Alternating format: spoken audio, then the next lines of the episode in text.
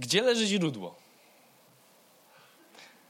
Y, mając y, tutaj dobrą wyobraźnię, a wierzę, że y, jakąś wyobraźnię mamy, szeroką lub szerszą,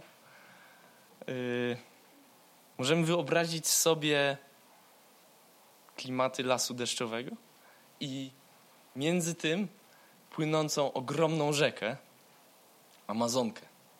Być może słyszeliście kiedyś o takiej rzece. To jest rzeka, która jest niesamowita z kilku względów. Pierwsze, ma obszar, który y, tworzy tą rzekę, wszystkie dopływy do niej, całe dorzecze, największy ze wszystkich rzek. Zajmuje kawał kontynentu, zajmuje wielki obszar, około 7 milionów kilometrów kwadratowych.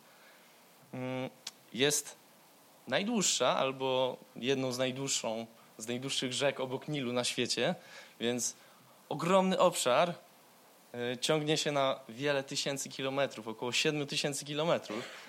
Możecie sobie wyobrazić, jak jest to daleko. E, co więcej, mm, kiedy zobaczymy, ile wody przepływa przez tą rzekę, przez naszą Wisłę średnio przepływa około tysiąca metrów sześciennych średnio w ciągu sekundy. Natomiast przez Amazonkę przypływa aż 209 e, tysięcy metrów sześciennych w ciągu sekundy.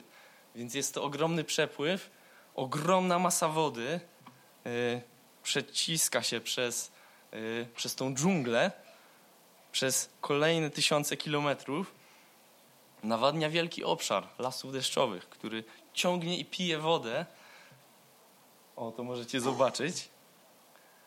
E, ale to, co jest istotne, e, w XVII wieku uznano, że ta rzeka ma pięć jedynych źródeł. Pięć jedynych źródeł. E, brzmi to tak dziwnie, dlatego że jedyne to jest jedno, nie? Jedno źródło może być jedyne. Natomiast rzeka była tak rozległa dla badaczy, że nie byli w stanie wskazać jedynego głównego źródła tej rzeki. I przez lata y, to był przedmiot sporu badaczy, gdzie jest to jedyne, istotne, najważniejsze źródło. Y, możemy przejść dalej. Y, to jest to do rzeczy, zajmuje kawał, widzicie, kontynentu Ameryki Południowej, możemy pójść dalej. Ogromna rzeka i jeszcze kawałek dalej, o jedno.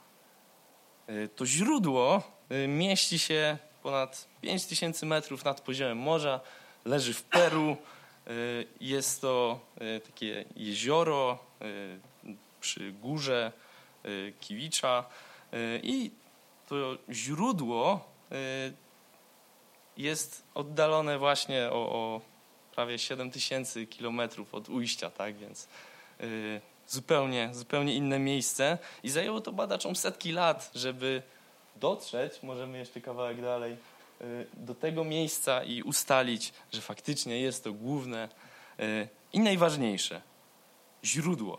I dziś chciałbym powiedzieć co nieco w temacie właśnie źródła takiej życiowej pomyślności. To może być z tyłu, jeśli, jeśli chcecie, to wam może przypomni o tym źródle. Dziś chciałbym, żebyśmy zobaczyli, y, może trochę szybciej niż y, ci badacze, niż przez te setki lat, co jest prawdziwym życiowym źródłem. I zobaczymy to w pewnym tekście. Będzie to Psalm 36. Także zachęcam do tego, żeby otworzyć Psalm 36.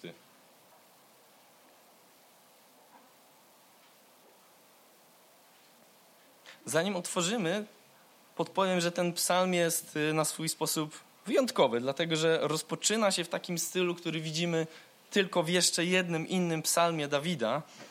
Bibliści sugerują, że to jest tekst napisany tak, jakby pochodził z wczesnego etapu życia tego człowieka. No i sam psalm pochodzi z pierwszej z pięciu ksiąg według tego podziału, który tradycyjnie mamy w psalmach. Ale przeczytajmy ten psalm. Psalm 36 dla prowadzącego chór psalm Dawida, sługi Jahwe.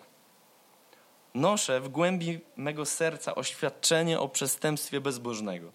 Nie ma lęku przed Bogiem, przed Jego oczyma, bo zwodzi sam siebie w swoich oczach, aby szukać bezprawia i nienawidzić. Słowa Jego ust to nieprawość i fałsz. Nie chce postępować rozumnie i dobrze. O bezprawiu myśli na swoim posłaniu.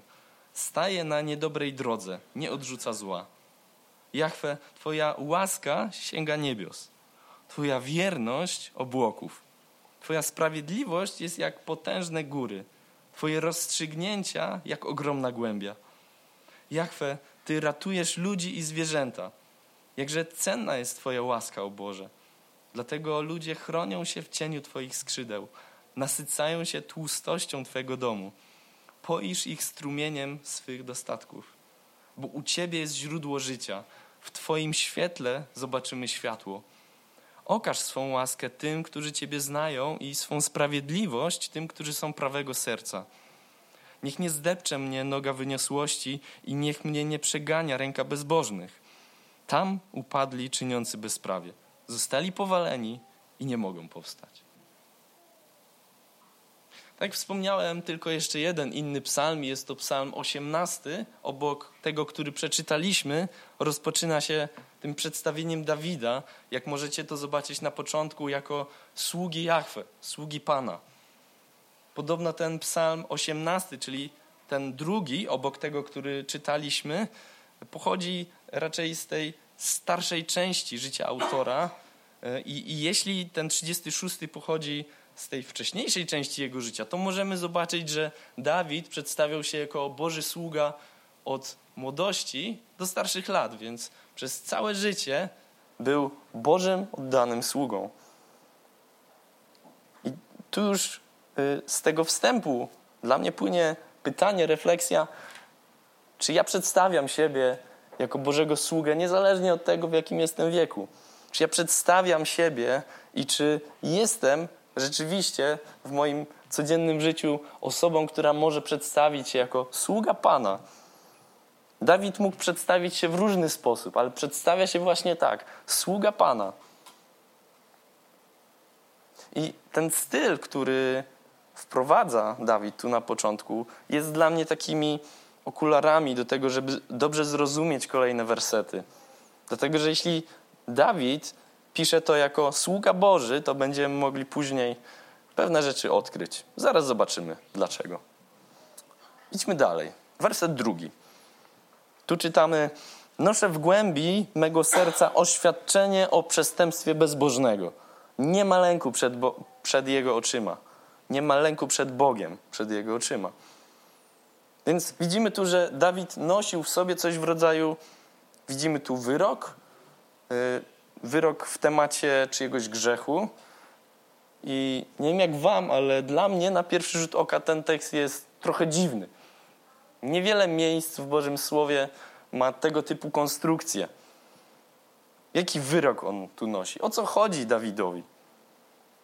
Nie wiem, czy zauważacie sposób myślenia, którego tutaj używa autor.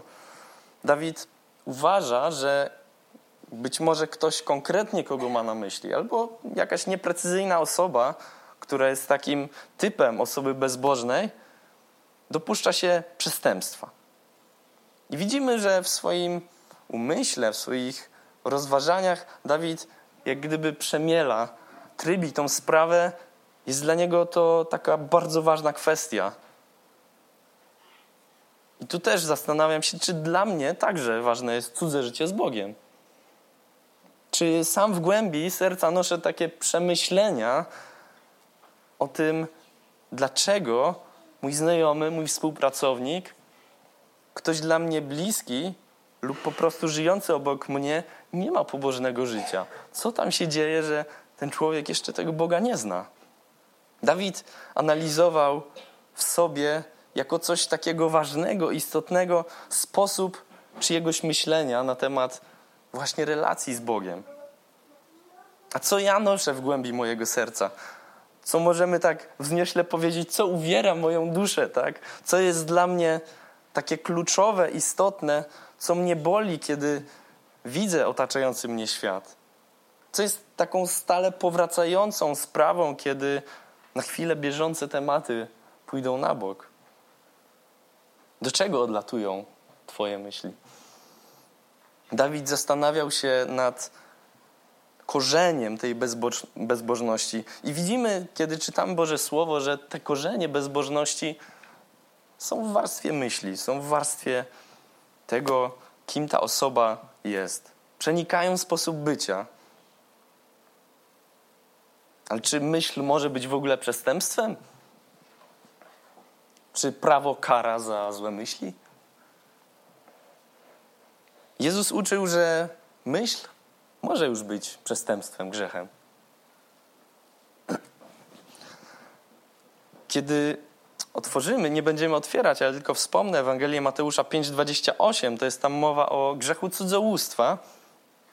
I pomimo, że akcja toczy się wyłącznie w tej sferze myśli, to Jezus pokazuje, że taką sytuację można już policzyć za grzech. Nikt tam nie musiał nikogo dotknąć. Grzech pojawia się już w tej sferze planów, rozważań.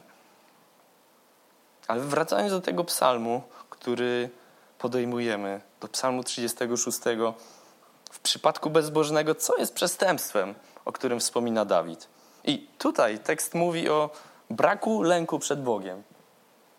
Możemy się zastanowić, co jest złego w braku lęku przed Bogiem. Czy ten brak lęku przed Bogiem jest w ogóle istotny? Tak, był istotny dla Dawida, ale czy jest istotny dzisiaj dla nas? Czy ten lęk przed Bogiem nie jest jakiś poboczny i nieznaczący? Dawid w tym przesłaniu mówi bardzo jasno, że lęk przed Bogiem jest ważny. Ja myślę, że można nawet ten lęk przed Bogiem uznać w jakiś sposób za kluczowy.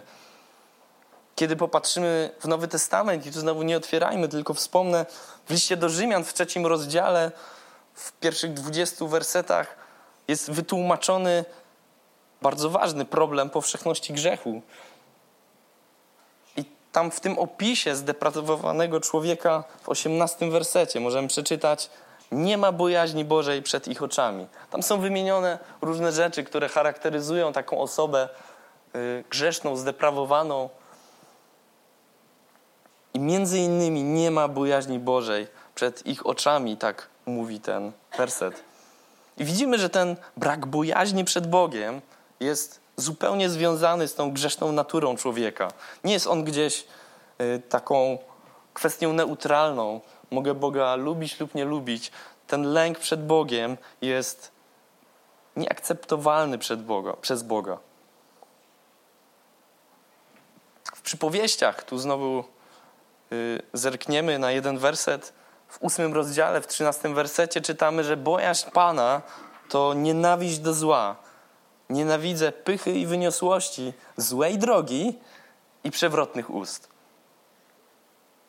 Widzimy, że jeśli nie mam nienawiści do złego, jeśli kocham taką antybożą postawę, to nie znajdę Bożej przychylności. I Dawid mówi o takich podstawach duchowej relacji człowieka z Bogiem. Nie jest to dla Dawida kwestia poboczna, jest to kwestia kluczowa, kwestia istotna. Tekst mówi, że lęku nie ma przed oczami osoby bezbożnej. Czy mamy wpływ na to, co jest przed naszymi oczami? Czasem nie mamy wyboru, czasem coś po prostu zobaczymy.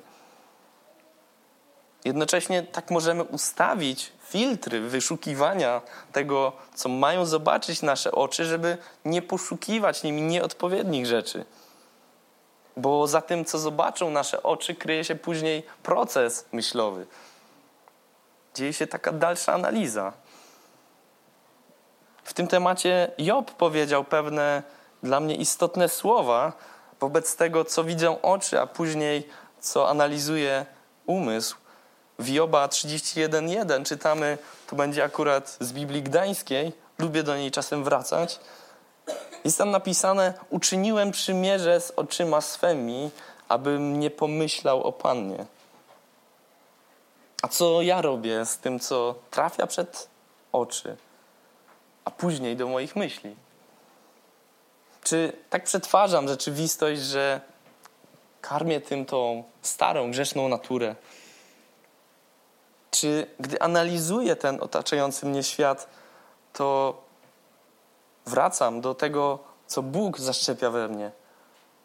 Czy biorę pod uwagę Boże Słowo, kiedy chcę wyciągnąć wnioski z tego, co Bóg postawił, albo co ja czasem stawiam przed swoje oczy?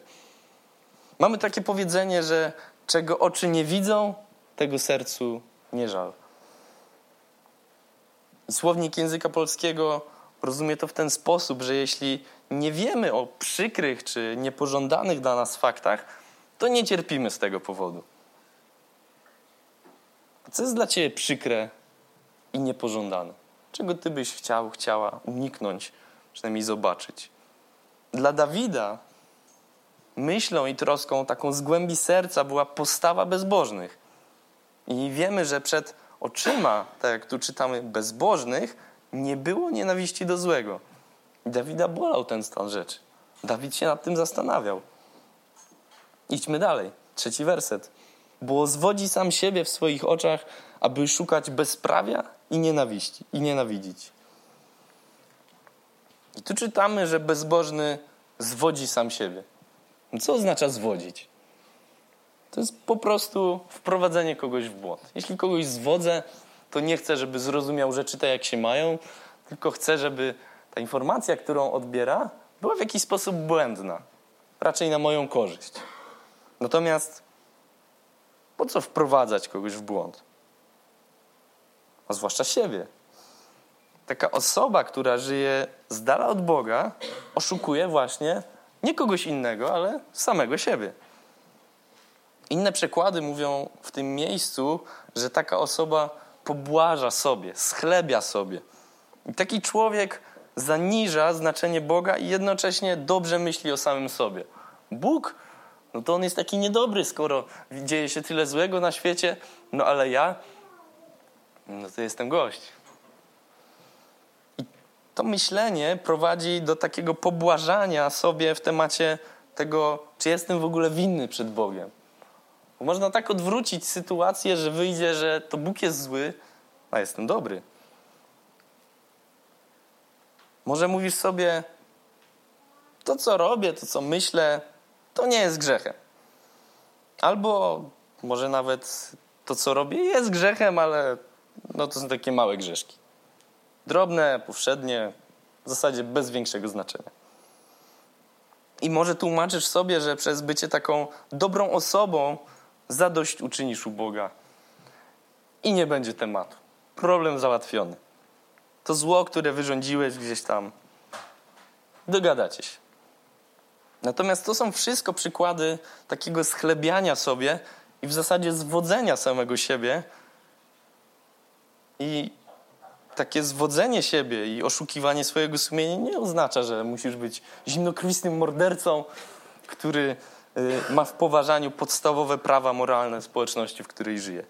Już wcześniej kwalifikujesz się na oszusta, nie musisz być y, jakiś zaawansowany w tym złu. Drodzy, myślę, tak łatwo jest oszukiwać tam samych siebie. Można powiedzieć, że jako grzeszni ludzie jesteśmy z natury ekspertami w oszukiwaniu samych siebie i w, szczególnie w pochlebianiu samym sobie. Spurgeon napisał kontekście tego fragmentu takie bardzo ciekawe spostrzeżenie. Powiedział: Bezbożny nie miał przed swoimi oczyma Boga w świętym zachwycie. Dlatego stawia samego siebie w bezbożnym podziwie. Czyli widzimy, nie miał Boga takiego, jaki jest, wspaniałego, dlatego jako tego wspaniałego stawia siebie i podziwia siebie. On mówi dalej: Kto mało czyni z Boga, dużo czyni z siebie. Ci, którzy zapominają o uwielbieniu Boga, popadają w bałwochwalstwo, czyli uwielbiają też siebie. Oczy muszą coś widzieć, na coś patrzeć, i jeśli nie podziwiają Boga, to będą pochlebiały sobie. Więc jest bardzo łatwa droga do tego, żeby zastąpić to uwielbienie Boga uwielbieniem siebie i pochlebianiem sobie. Można się spytać, czy jest to w ogóle możliwe, żeby zwodzić samego siebie? Czy można mieć dobre intencje, a jednak dążyć do takiej autodestrukcji?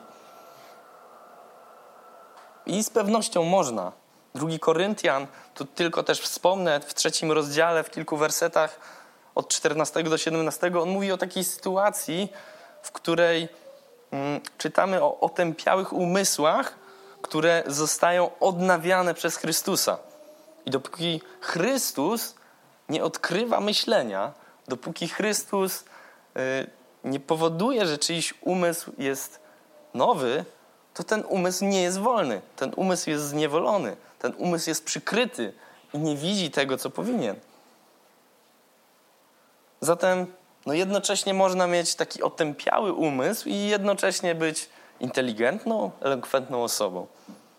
Dopiero Chrystus jest w stanie wstawić nas na właściwe tory myślenia, na właściwą drogę, tak jak dzisiaj mówiliśmy. Idąc dalej w treść tego trzeciego wersetu, myślę, że należałoby się zastanowić, do czego może mnie prowadzić zwodzenie samego siebie. I tu czytamy, że konsekwencją zwodzenia siebie jest pojawienie się bezprawia. Nie wiem jak wy, ale ja wierzę, że prawo powinno chronić słabych, a karać przestępców. Ale kiedy pojawia się bezprawie, to ten porządek rzeczy się odwraca. Słabi mają powody do strachu, a przestępcy czują się bezpieczni. Czy ja chcę żyć w takim świecie, w którym sprawiedliwość jest wymierzana w zależności od kwoty, którą ktoś dysponuje na łapówkę? Czy chcę czuć się bezpiecznie, kiedy wiodę moje spokojne życie? I kiedy zwodzę samego siebie, czyli żyję w grzechu, to prowadzi do panoszącego się nawet ode mnie bezprawia.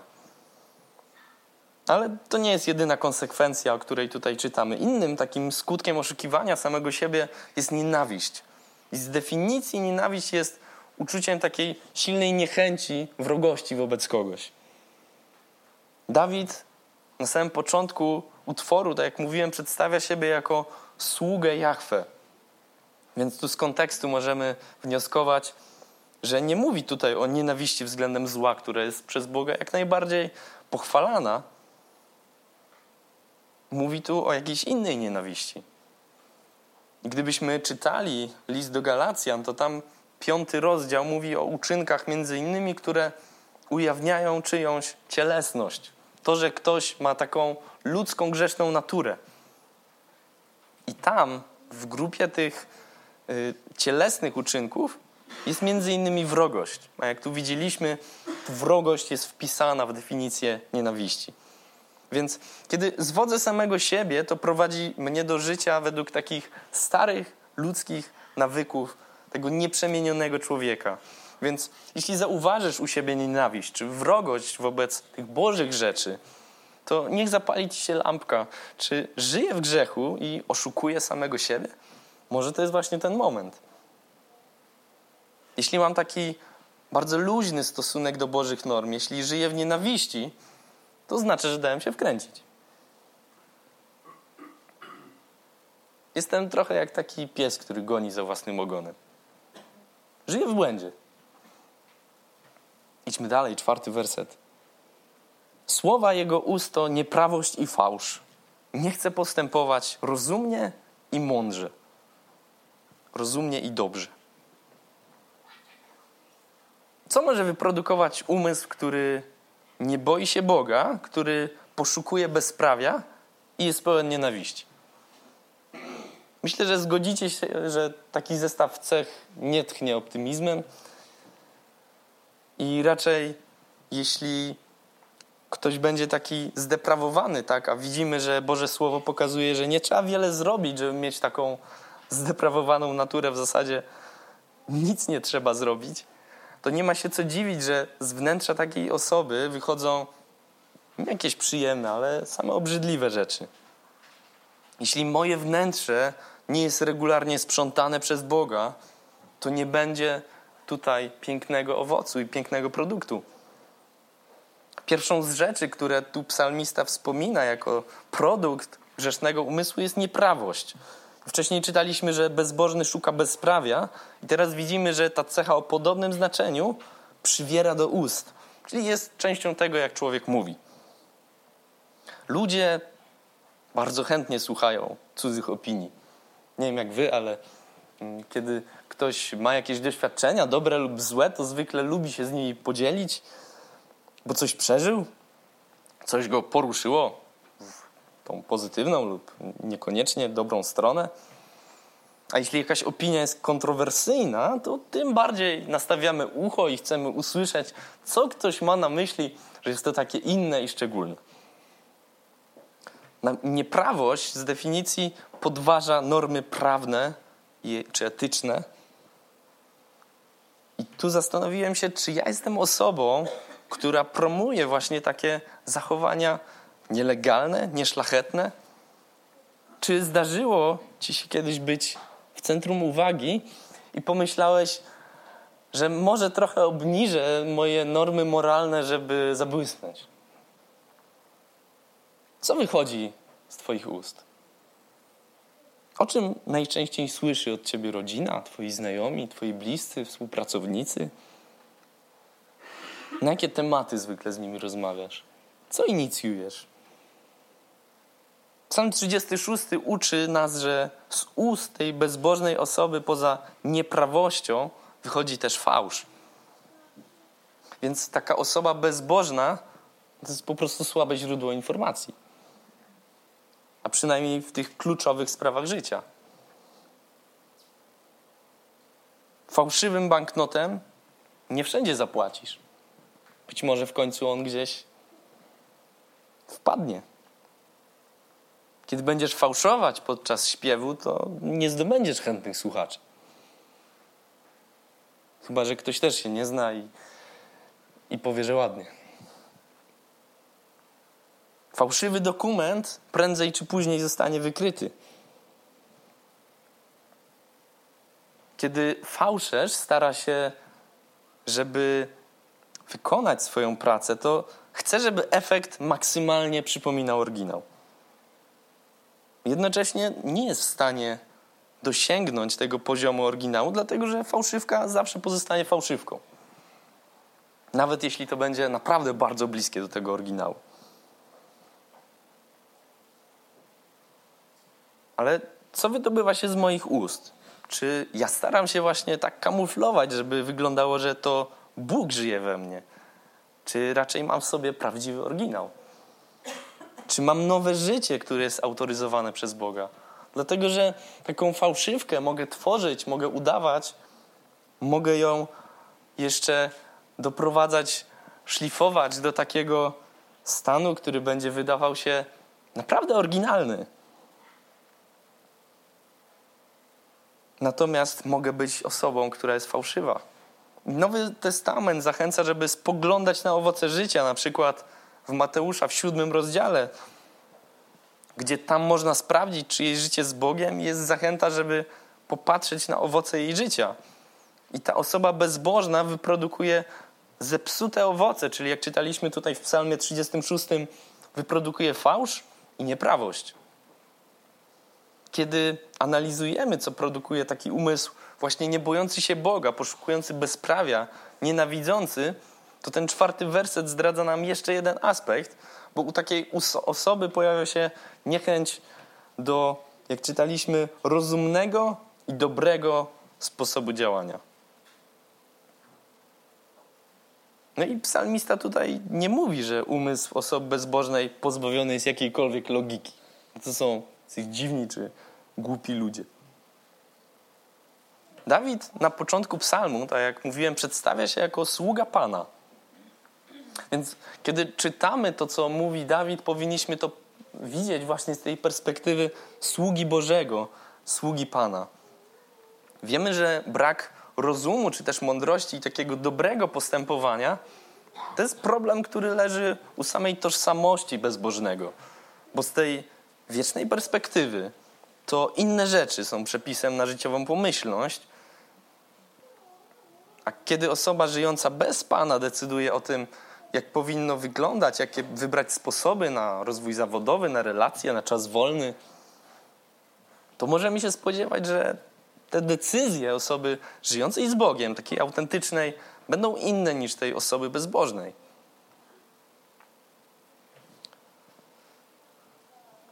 kiedy docieramy do źródła życiowej pomyślności, to ono będzie zupełnie inaczej przebiegało u osoby, która kocha Boga, która zna Boga, bo to niewierzące serce ma zupełnie inne pragnienia. I to, co dla sługi Pana jest rozumne, to dla człowieka żyjącego w grzechu będzie głupie. Dla mnie głupim jest oszukiwanie przełożonego, kiedy y, wiem, że Bóg widzi to, co robię. Natomiast dla osoby, tutaj idąc y, w to, jak wypowiada się ten sam, dla osoby bezbożnej, to moja postawa będzie niemądra, bo można więcej zarobić, no a nikt nie zauważy. No i w czym problem? No raczej się nie dowie. Więc no, nie ma się co dziwić, że osoba daleka od relacji z Bogiem, tak jak tu czytamy, nie chce postępować rozumnie i dobrze.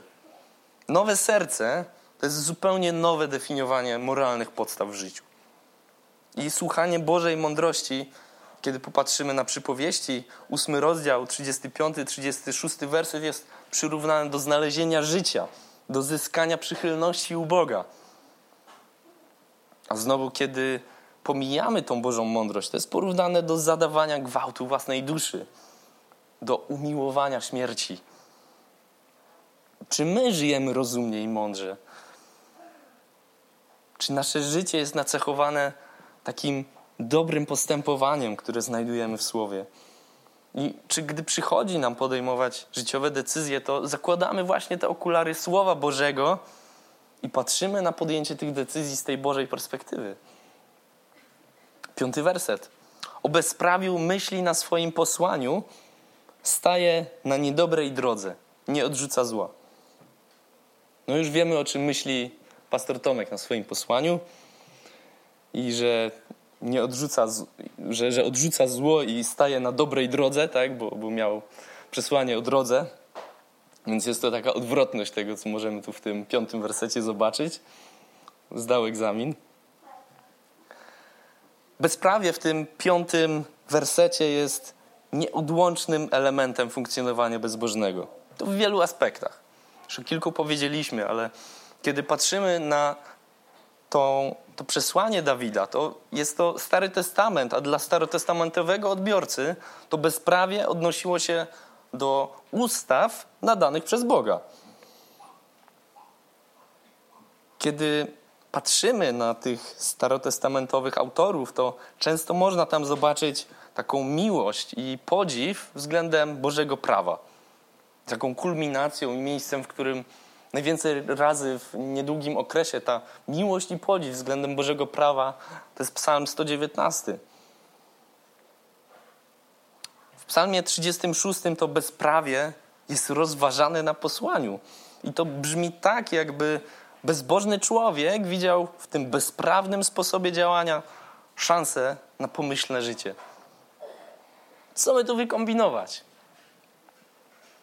Bo o czym myślimy, kiedy leżymy na łóżku, na miejscu odpoczynku? Jakie tematy zaprzątają Twoją głowę, kiedy się kładziesz i kiedy po tym czasie snu kolejnego dnia otwierasz oczy? Psalm pierwszy mówi, że szczęśliwy człowiek to taki, który za swoją rozkosz ma Boże prawo i rozmyśla o nim kiedy? Za dnia i w nocy. A w czym ty widzisz źródło tego pomyślnego życia? Czy kombinujesz nad nowym sposobem, żeby się dorobić może kosztem drugiej osoby? Kiedy słuchasz Boga, to często tak po ludzku patrząc, tracisz. Natomiast jeśli patrzysz na słuchanie Boga z perspektywy sługi Pana, tak jak przedstawia się Dawid, to jednocześnie w tej samej sytuacji, gdzie ktoś żyjący z dala od Pana powiedziałby, co za głupia decyzja, po co ją podjąłeś? To sługa Pana wtedy powie, pięknie, wcale nie straciłeś, to była świetna decyzja. Więc mamy taką zupełną różnicę w tym, jak postrzegane są czasem nawet te same decyzje. Kiedy rozkoszuję się Bogiem, to mogę nie dogadać się ze współpracownikiem. A z kolei myśląc po ludzku, to bardzo możliwe, że nieźle zyskam jakimś małym kosztem w sytuacji, gdzie w sprawiedliwy sposób nigdy by mi się coś nie należało. Ale ostatecznie, co jest dla mnie życiowo ważne? Co jest moim skarbem? Tak pomyślałem, jaka jest treść moich modlitw. Wiesz, że nawet modlitwy mogą być bezbożne? List Jakuba, czwarty rozdział, trzeci werset przedstawia rozmowę z Bogiem, która jest sprzeczna z tym, co Bóg by chciał widzieć i co kocha. Czytamy o takiej modlitwie, w której ktoś chce roztrwonić to, co by otrzymał od Pana na swoje pasje i namiętności. Więc o czym myślę? O co się modlę na swoim miejscu wytchnienia? Czy modlę się o kasę na moje hobby, czy raczej walczę o troski, o zmagania innych? Druga część piątego wersetu skłania mnie do takiego pytania: jakie podejmuję decyzje, kiedy odkryję, że coś jest we mnie nie do końca w porządku? To, że człowiek popełnia zło, to jest no jedna sprawa. Ale kiedy uświadomimy mu, że popełnia to zło, to już jest drugi temat i jest to nie bez znaczenia. Kiedy uświadomimy mu i nic się nie zacznie zmieniać, kiedy nie ma zupełnie żadnej reakcji, pomimo że jesteśmy pewni, że ktoś jest świadomy tego, że popełnia zło, to już jest naprawdę nie w porządku. Ten piąty werset mówi, że bezbożny nie odrzuca zła. To, co wyróżniało autora Psalmu 36 pośród wielu innych postaci Starego Testamentu, to jest takie serce skłonne do pokuty, kiedy popadał w grzech. Bywało, że Dawid postępował obrzydliwie, postępował tak, jak nie chcielibyśmy widzieć u osoby, którą darzymy uznaniem i podziwem. Ten człowiek ostatecznie jednak nie zostawał na tej złej drodze, ale odrzucał zło. Inaczej można przetłumaczyć słowa z tej drugiej części piątego wersetu jako nie, nie brzydzi się złem, zamiast nie odrzuca zło. Czy ciebie zło brzydzi? Czy gdy czujesz, że coś jest przed Bogiem nie w porządku, że coś nie gra, to czy wyjaśniasz z nim stan swojego sumienia? Bezbożny człowiek, nawet kiedy zostanie uświadomiony, że stoi na niedobrej drodze, że grzeszy, to nie mówi stop. A dla mnie? Czy zło dla mnie jest obrzydliwe? Czy traktuję Boga jako jedyną szansę na pomyślność? Jeśli traktuję Boga jako jedyne możliwe źródło pomyślności, to z pewnością znienawidzę zło. Dlatego, że zło, nieczyste sumienie nigdy nie idą w parze z korzystaniem z benefitów relacji z Bogiem, nigdy nie idą w parze z bliską relacją z Bogiem. Życie w grzechu zawsze oddziela mnie od Boga, a wierzę, że On jest najlepszym źródłem pomyślności. Pierwsza część psalmu skupiała się na tej osobie bezbożej. Nie wiem jak w waszych przekładach, ale w moim jest to tak trochę oddzielony, ten piąty a szósty werset. Każdy nowonarodzony, nawet człowiek, wie, jak to jest żyć z dala od Pana. Każdy z nas, będący tutaj na sali, kiedyś zgrzeszył. Wszyscy na tym miejscu jesteśmy z natury grzesznikami, pomimo że wiele z nas jest usprawiedliwionych przez wiarę. Gdy zdarza mi się zgrzeszyć, to jestem wtedy taką bezbożną osobą. Jestem z dala od Pana, z dala od społeczności z Nim. I dopóki w uniżeniu nie zawołam do Niego o pomoc i nie poproszę o wybaczenie, to jestem od Niego daleko. Myślę, że nie wiem jak wy, czy, czy wy też, ale jako wierzący raczej lubimy się utożsamiać z pozytywnymi bohaterami opowieści biblijnych. Chcemy być tymi dobrymi, a nie złymi bohaterami, podczas kiedy czytając Boże Słowo, często powinniśmy sprawdzić, czy nie przypominamy raczej tych mniej wspaniałych, czy nie jesteśmy tym złym bohaterem historii. I zwykle takie podejście może nas dużo więcej nauczyć. Co ciekawe, obie postawy, które pokazuje cały ten 36 psalm, mogą dotyczyć fizycznie tego samego człowieka, ale na innym etapie życia. Kolejne wersety od szóstego traktują o Bogu, Jego relacjach z ludźmi, którzy uznają Go za takie jedyne możliwe źródło pomyślności. No i jak tu jest Bóg przedstawiony? Psalmista tu wskazuje najpierw na łaskę, która nie ma końca. Dla starotestamentowych autorów z pewnością odległość z ziemi do nieba nie mogła mieć miary. Bo jak mogliby sprawdzić, jak tam jest daleko? I podobnie ta wierność Boża jest niezmierzona. Bezmiar łaski, wierności jest dla mnie niesamowity, dlatego że obie te cechy są wyrazem takiej praktycznej, pięknej miłości. I to miłości, która nie zna granic. Kiedy przyglądam się ludziom, którzy mnie otaczają, to widzę, że wielu z nich szuka takiego ukojenia dla, dla bólu serca, ale robi to poza Bogiem i przez to tracą Bożą łaskę, Bożą wierność. A wiemy, że pięknie jest doznawać tej Bożej miłości. Dalej w tym psalmie czytamy o sprawiedliwości, która jest nie do ruszenia. Bo czy umiesz przenieść wielkie góry? A właśnie do tego jest porównana ta Boża sprawiedliwość, kiedy patrzymy na siódmy werset. Psalm 36 mówi o Bożych rozstrzygnięciach, które są jak ogromna głębia. Bo czy umiem dotrzeć do źródła Bożych postanowień?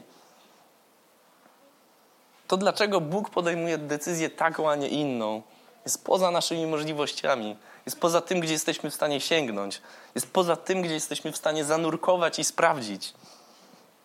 Im głębiej, tym wyższe ciśnienie. I tylko Bóg jest w stanie znieść to ciśnienie decyzji, które wchodzą w nasze życie. Możemy zobaczyć, że Bóg ma serce wobec człowieka, ale nie tylko, bo Dawid tutaj wspomina też Bożą troskę o zwierzęta. To jest siódmy werset. Dalej, ósmy. Tu czytamy o Bożej łasce i takiej możliwości ochrony. Kiedy spojrzymy na naszych polskich, narodowych poetów, to widzimy, że wychwalali oni ojczyznę, wychwalali oni zdrowie. Tu mam na myśli na zdrowie Kochanowskiego albo inwokację Mickiewicza. A Dawid jako cenną uważa przede wszystkim łaskę Bożą. Bo ta łaska jest powodem do uciekania się pod Jego ochronę, pod ochronę Jego skrzydeł. Ten psalm mówi też o domu Boga, który syci i gasi pragnienie. Jezus w Ewangelii Jana powiedział, że ten, kto go kocha, będzie stosował się do Jego słowa i taka osoba doświadczy miłości Boga Ojca.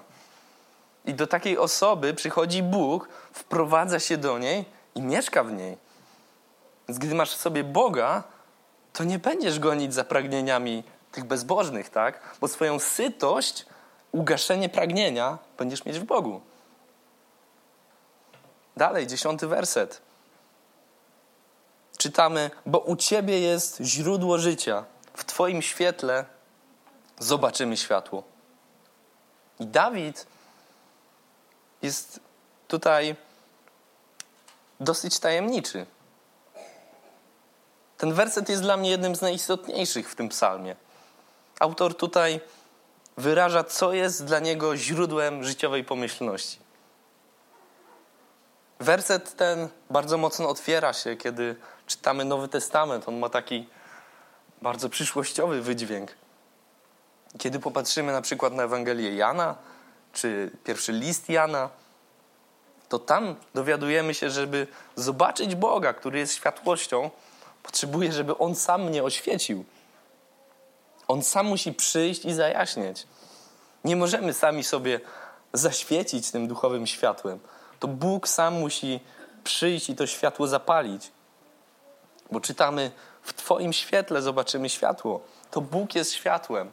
Nie możemy sami sobie zrobić takiej latarki, ale to Bóg musi nas oświecić.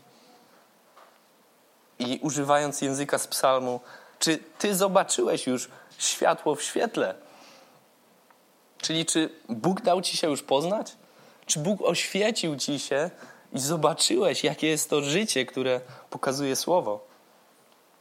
W niektórych tłumaczeniach, idąc dalej, jedenasty werset, można spotkać się z takim przesłaniem, żeby Bóg w dalszym ciągu był łaskawy, bo tu czytamy: Okaż swą łaskę tym, którzy Ciebie znają, i sprawiedliwość tym, którzy są prawego serca.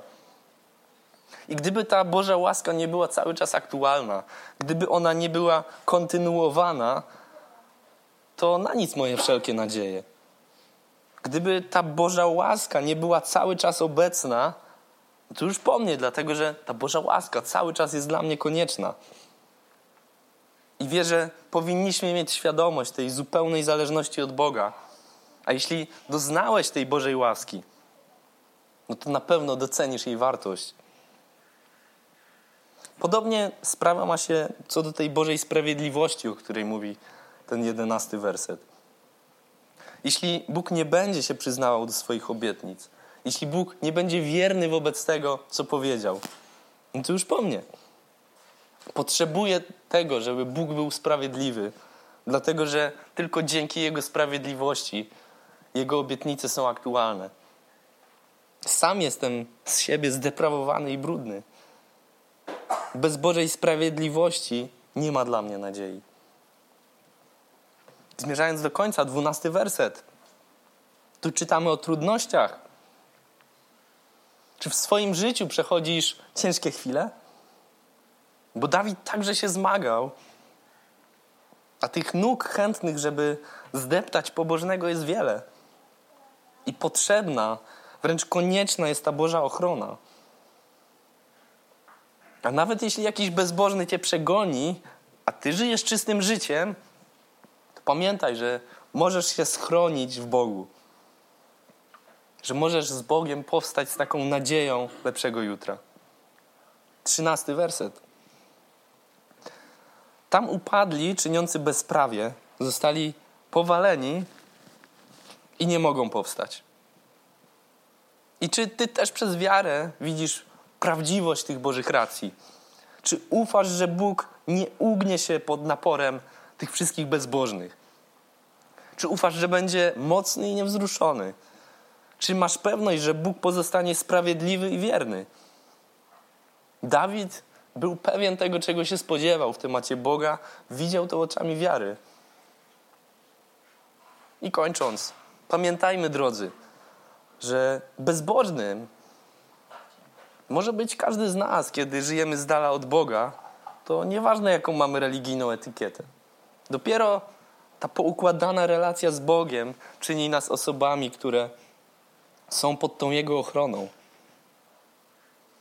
Tylko w Bogu kryje się takie prawdziwe źródło pomyślności. I tak jak kiedyś w przypadku Amazonki uważano, że istnieje kilka jedynych źródeł, to dziś wiemy, że jest jedno, jest najistotniejsze. I podobnie Bóg jest wyłącznie jedynym źródłem dobrego życia. Nie da się go zamienić, nie da się wyciągnąć innego źródła. To musi być On. Mamy Boga, który darzy nas łaską i schronieniem. Korzystajmy z nich. Jeśli chcemy żyć pomyślnie, jeśli chcemy żyć bez strachu, korzystajmy z Bożej ochrony. Drodzy, bądźmy ludźmi wiary, którzy już z daleka oglądają realizację tych Bożych obietnic. Z daleka widzą, że to, co Bóg obiecał, na pewno się wydarzy. Czy Ty jesteś osobą, która nosi w sercu te Boże pragnienia? Czy w swoich modlitwach wzdychasz ku Bogu, przynosząc wyższe tematy niż realizację hobby? Czy uciekasz pod Bożą ochronę, pod Jego skrzydła? Czy czerpiesz z Bożego źródła życia? Czy widzisz swoją taką pełną zależność od Boga? Czy odnalazłeś w Panu swoje jedyne źródło pomyślności? Przed kazaniem przeanalizowałem sobie, skąd mi się wzięły najlepsze życie, rzeczy, jakie mam w życiu. I rzeczywiście, wszystko, co mam najcenniejsze, przyszło z ręki Boga. Nie mogę temu zaprzeczyć, że to Bóg jest tym jedynym źródłem pomyślności. I tego też, drodzy, Wam życzę, żeby Bóg zawsze był jedynym źródłem pomyślności w Twoim życiu. Amen.